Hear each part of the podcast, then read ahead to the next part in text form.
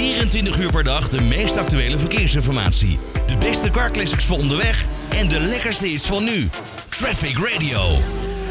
Zo. Even een beetje relaxen. Het mooi weer buiten. Zomer komt eraan. Eh, of sterker nog, die is er al. Ja, dat dat is meer in die zin dat ik weet dat ik over een week op vakantie ga. Dus als je het in die context plaatst, dan komt voor mij de zomer eraan. Eh voor Paul de Waal ook nog niet, want die is gewoon aan het werk voor de BOVAG. Paul, goedemiddag. Ja, goedemiddag, dat klopt. In het eerste halfjaar van 2022 zijn er eh, 98, 137 nieuwe motorfietsen geregistreerd. Dat is een stijging van 6,4% ten opzichte van het eerste halfjaar van 2021. Eh, jullie hebben een onderzoek gedaan samen met de rijvereniging en datacenter RDC. Ehm, Paul, eh, jij bent eh, hoofdcommunicatie bij de BOVAG. Ja. Nou, volgens mij heb je net een nieuwe functie, toch? Of niet? Nee, nee, nee, nee, nee. Nee, ik doe het al 15 jaar, man. Oh, kijk. eh, nee, eh, oh, wacht even. Dan ben ik in de war met Tom, die natuurlijk eh, bij jullie ook heel lang de woordvoering gedaan heeft. Nee, Tom, Tom is voor zichzelf begonnen, ja. Ja, precies. Ja. Maar goed, daar hebben we nu niet over. We hebben nu over die, die 6% meer motorfietsen die verkocht is. Is dat nou Ja. zo'n zo'n hoog percentage dat je zegt, ja, die is echt noemenswaardig? Ja, dat is, dat is het meeste sinds 2008. Dus het is geen absoluut record, maar het is wel echt heel veel meer dan we de afgelopen jaren hebben verkocht. Ehm, en vorig jaar was al een piekjaar. En eh, nou, het eerste half jaar eh, is daar nog weer overheen gegaan als je met dezelfde periode van vorig jaar vergelijkt. Dus eh, we kunnen constateren dat de vraag naar motorfietsen echt heel fors is. Ook op de gebruikte motormarkt zie je, zie je plussen. Dus Ja. de behoefte eh, aan het rijden op een motor is, is groter dan jaren geweest. Mag ik gewoon even een, een theorie tegen je aanhouden? Mag dat? Ja, altijd. Ik denk dat mensen twee jaar lang niet op vakantie geweest zijn. Ja. Door corona. En daarom wat geld Ja. over hadden en dachten, weet je wat, we kopen lekker een motor. Heb je dat ook Nou, onderzocht? Dat zeker een van de verklaringen zijn. En de andere is dat je eigenlijk sinds corona zie je die forse stijging. En dat kwam ook omdat het OV even niet meedeed en mensen naar alternatieven zochten. Dus we zagen ook een stijging bij gebruikte auto's. We zagen ook een stijging bij e-bikes. Eh, dus los van het feit dat het leuk is en mensen twee jaar lang eh, veel minder geld uitgaven... en er dus geld is onder de mensen voor leuke dingen... eh, ja, waren ook veel mensen die zeiden... ja, ik kies toch maar weer even voor persoonlijk vervoer in plaats voor, voor openbaar vervoer. En daar deden motorfietsen heel nadrukkelijk in mee. Ja, ik vind, het, ik vind het trouwens, moet ik wel even kwijt ook. Ik, vind, eh, ik, ik snap die motorrijders ook als ze weg, woon-werkverkeer eh, daarmee gaan, gaan eh, vullen. Maar wat ik niet snap is dat ze echt door de files tussen alle auto's doorrijden. Ik vind het levensgevaarlijk. Als je even niet oplet als automobilist. Je gaat één keer een beetje naar rechts, dan zitten ze op je bumper.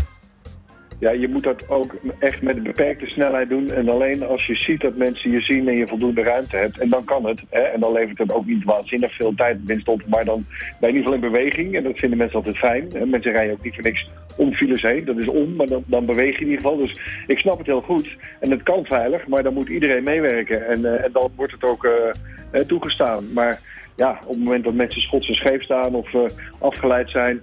En je moet natuurlijk eh, ook als motorrijder, motorrijder echt enorm op je hoede zijn, altijd al, omdat je kwetsbaarder bent dan een automobilist. Maar eh, zeker ook als je tussen de file doorrijdt.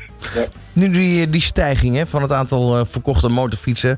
Dan moet er ook iets te zien eh, geweest zijn in het aantal motorrijbewijzen. Hoe zit dat precies? Ja, dat stijgt ook. Eh, we hebben natuurlijk wel, eh, de, de, de, de, rijscholenland eh, is een van de sectoren geweest die echt eh, dicht is geweest.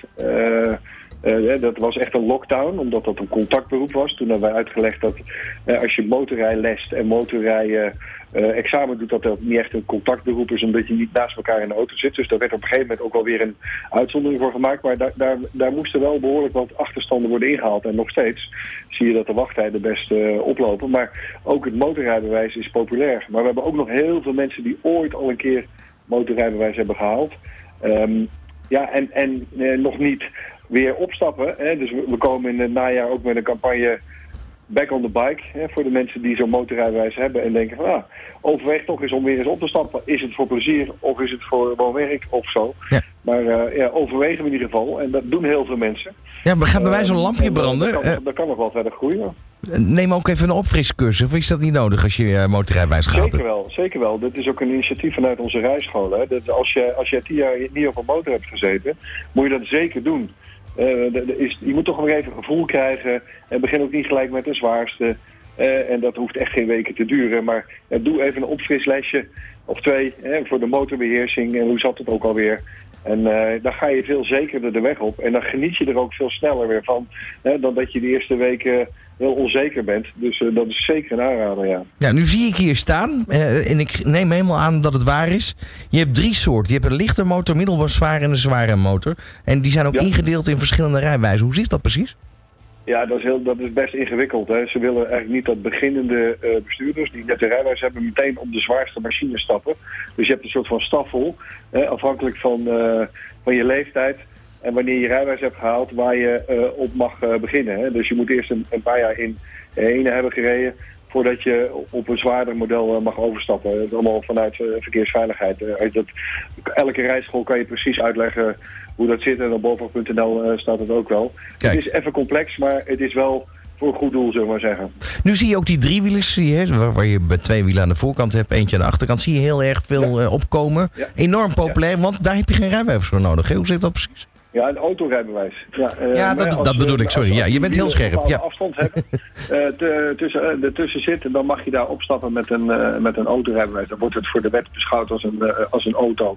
Ja, ik zou daar nooit zomaar opstappen zonder motorrijbewijs. en in ieder geval dan bij een motorrijschool even een paar lesjes nemen. Ook, ook weer om te leren wat een handige positie op de weg is. Hoe, hoe, hoe, je dat ding goed onder controle houdt. Het is allemaal niet zo ruig als een zware motorfiets, maar toch rijdt het echt anders. Ik heb er zelf ook op gereden. Ik heb geen motorrijbewijs, wel een auto. En dan is het toch even wennen. Uh, dus, dus laat je dan even door een professional uh, meenemen daarin. En dan ja, is dat ook een, een prima alternatief. In de Tour ja. zie je ze deze dagen ook heel veel rijden. En ze zijn lekker stabiel.